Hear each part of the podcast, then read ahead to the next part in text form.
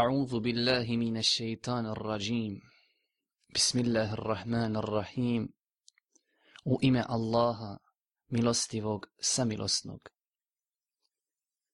Koji nam je to najsretniji dan u našem životu? Dan kada smo maturirali u srednjoj školi.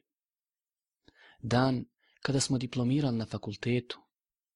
Ili je to dan kada nam se rodilo naše prvo dijete. Sve u svemu Jako bi se teško bilo odlučiti za konačan odgovor, ako bi čovjek trebao da odaberi samo jedan trenutak.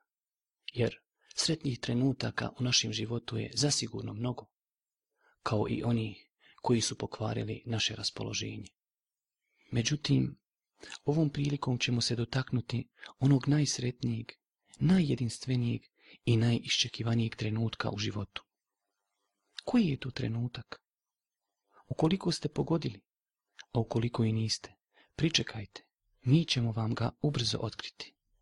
No prije toga, savjetujemo vas da vašu pažnju potpuno usredočite na ono što ćete čuti u narednih desetak minuta. Dobro, ukoliko smo spremni, krenimo. Najsretniji trenutak u našem životu ipak ne bi trebao da bude dan kada smo maturirali u srednjoj školi, niti dan kada smo diplomirali na fakultetu.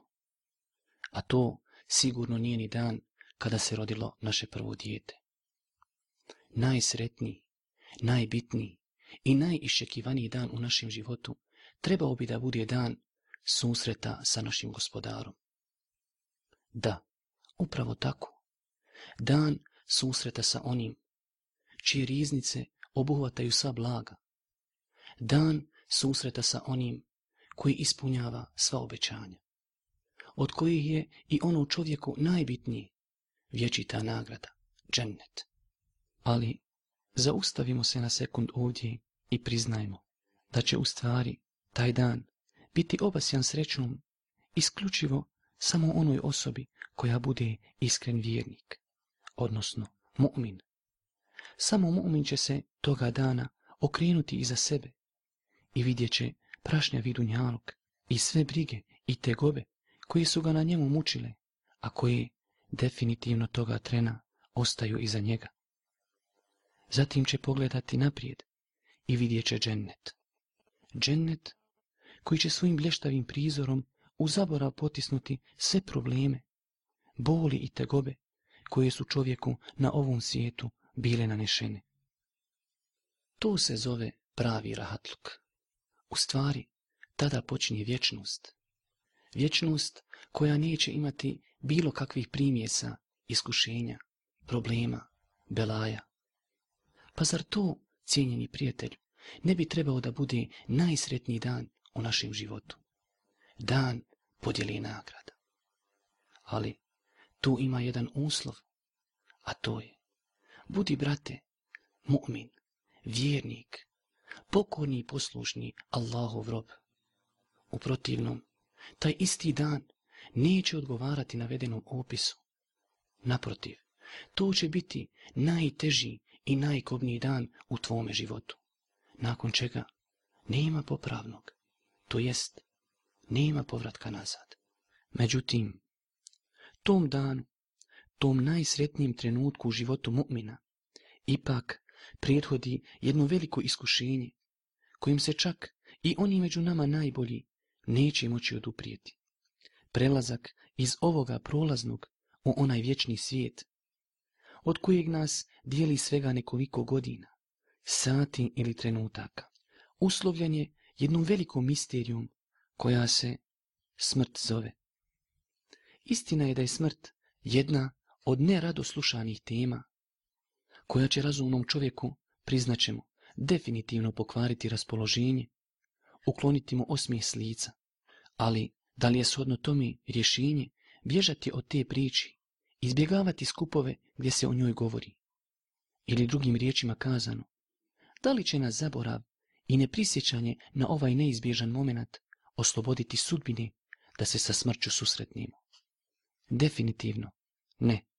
Stoga Budimo razumni i hrabri, te prisjetimo se ovom prilikom zajedno tog neizbježnog trenutka i izvucimo određene pouke. Da, učinimo to danas. Dozvolimo da određene činjenice pozitivno djeluju na nas, na naš život, prije svega na naš odnos prema onome kome ćemo se na kraju, zbog polaganja računa, zasigurno vratiti uzvišenom Allahu. Sada kada smo shvatili da svima nama tim sokakom valja proći.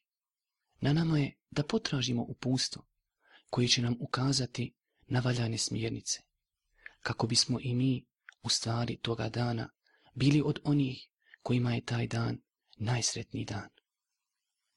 To upusto se zove Kur'an.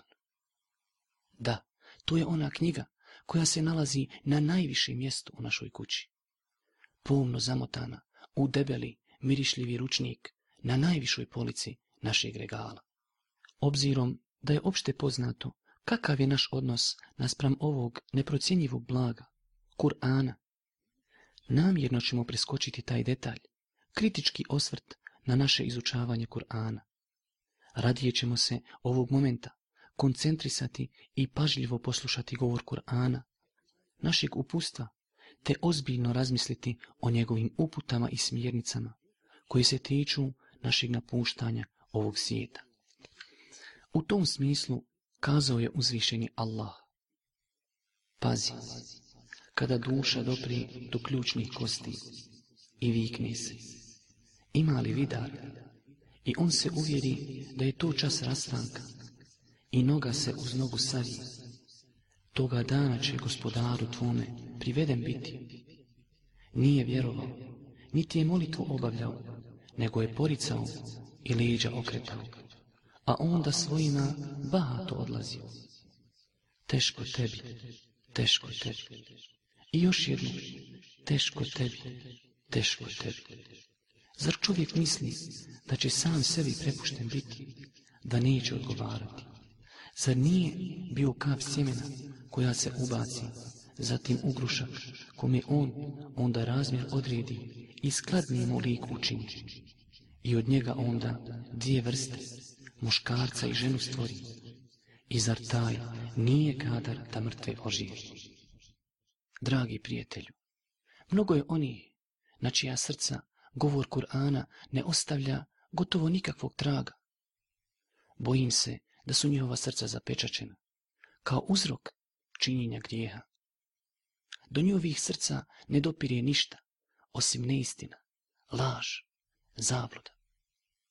S druge strane, imamo i oni čije vjerovanje je pomiješano sumnjom, koja je opet rezultat njihovog nemara, koji se ogleda u zapostavljanju izučavanja islamske literaturi.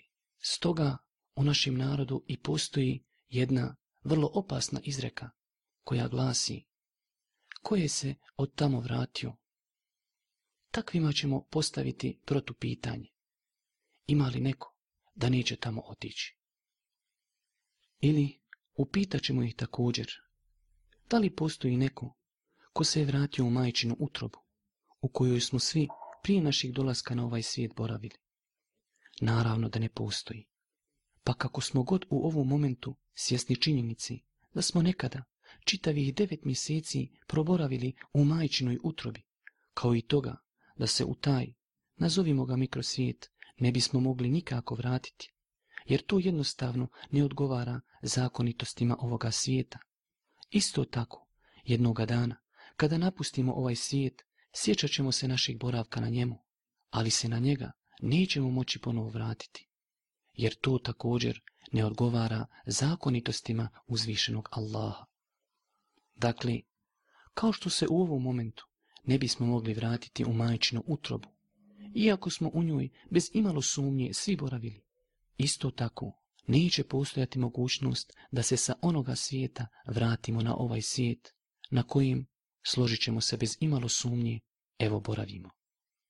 Sve su to destinacije ili etape čovjekovog putovanja kroz život, koji opet vodi ka vječnom odredištu, džennetu ili džehennemu.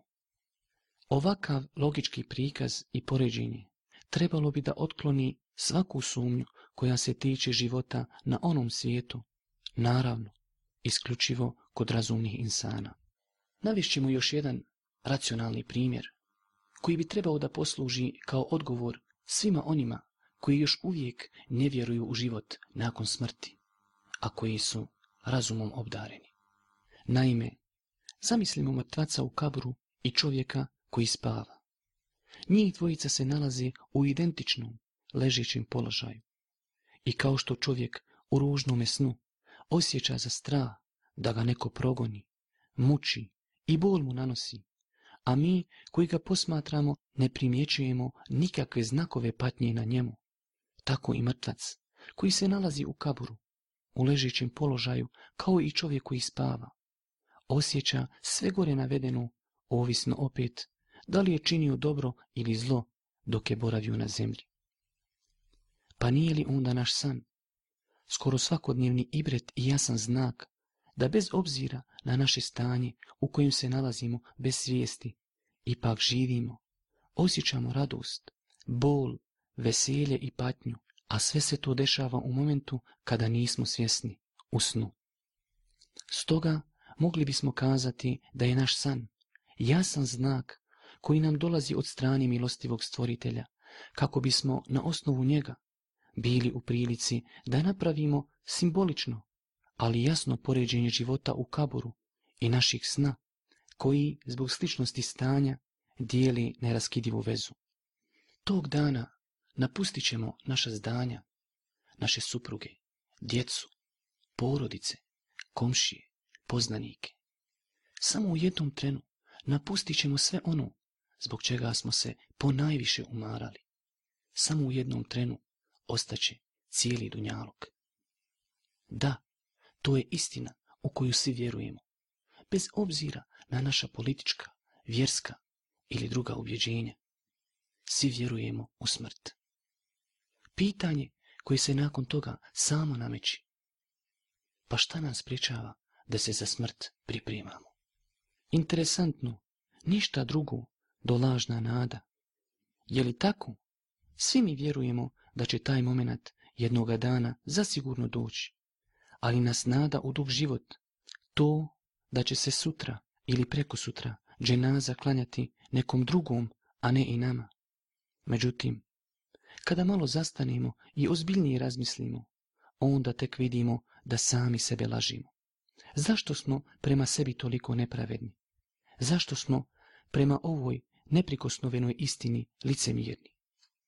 Zar dženaza i ukop tvog najboljeg prijatelja ili bližnjeg rođaka, na kojoj si i sam prisustovao, nije bila nedvosmislen znak upozorenja tebi, da je možda već sutra i na tebe red. Jer i on nije vjerovao da će baš toga dana biti ukopan, ali eto, desilo se. Da, uvijek se desi. Samo se desi i nikada se ne najavi. Takva je smrt. Dobro, kada je već tako, a sigurno jeste. Ja ću, prijatelju moj, da se pripremam za smrt, a ti kako hoćeš. Što se mene tiči, ja više nikad neću ako Bog da ostaviti namaz, jer ću za njega prvo biti pitan. U stvari, namaz je zadnja karika koja vezuje čovjeka za islam. Pa kako i s kojim pravom da ja sam kidam tu kariku? Ja, prijatelju moj, obećavam ti, nikada više neću dozvoliti da u moja usta dospije i kap alkohola, jer bih time ugrozio svoju sigurnost i sreću u tom danu. Dragi brate, što se mene tiči, više Kur'an u mojoj kući neće biti na vrhu regala, umotan u najdeblji ručnik koji se po nekoliko godina od mevluda do mevluda ne razmota i ne otvara. Kur'an će od danas biti moje upustvo. Ono upustvo koje smo spomenuli na početku, koji nam je neophodno da bi se adekvatno pripremili. Kako bi dan smrti i nama bio najsretniji dan, dan dugo čekanog susreta sa uzvišenim gospodarom. Iako bi se dosta toga na ovu priču moglo nadovezati, ja ću, prijatelju moj, ovdje završiti. A ti, ti mi nemoj zamjeriti. Odnosno, završit ću riječima uzvišenog Allaha, upućenim meni i tebi, a koje glasi. A za one koji ne vjeruju u gospodara svoga, kazna je Užasno je on boravište. Kad budu u njega bačeni, pucketanje njegovo će čuti i on će ključati gotovo da se od bijesa raspadne. Kad god se koja gomila u njega baci, stražari u njemu će je upitati. Zar nije niko dolazio da vas opominje? Jest, dolazio nam je onaj koji nas je opominjao. Odgovorit a mi smo poricali i govorili. Allah nije objavio ništa, vi ste u velikoj zabludi. I reći će, da smo slušali i razmišljali, ne bismo među stanovnicima džehennema bili.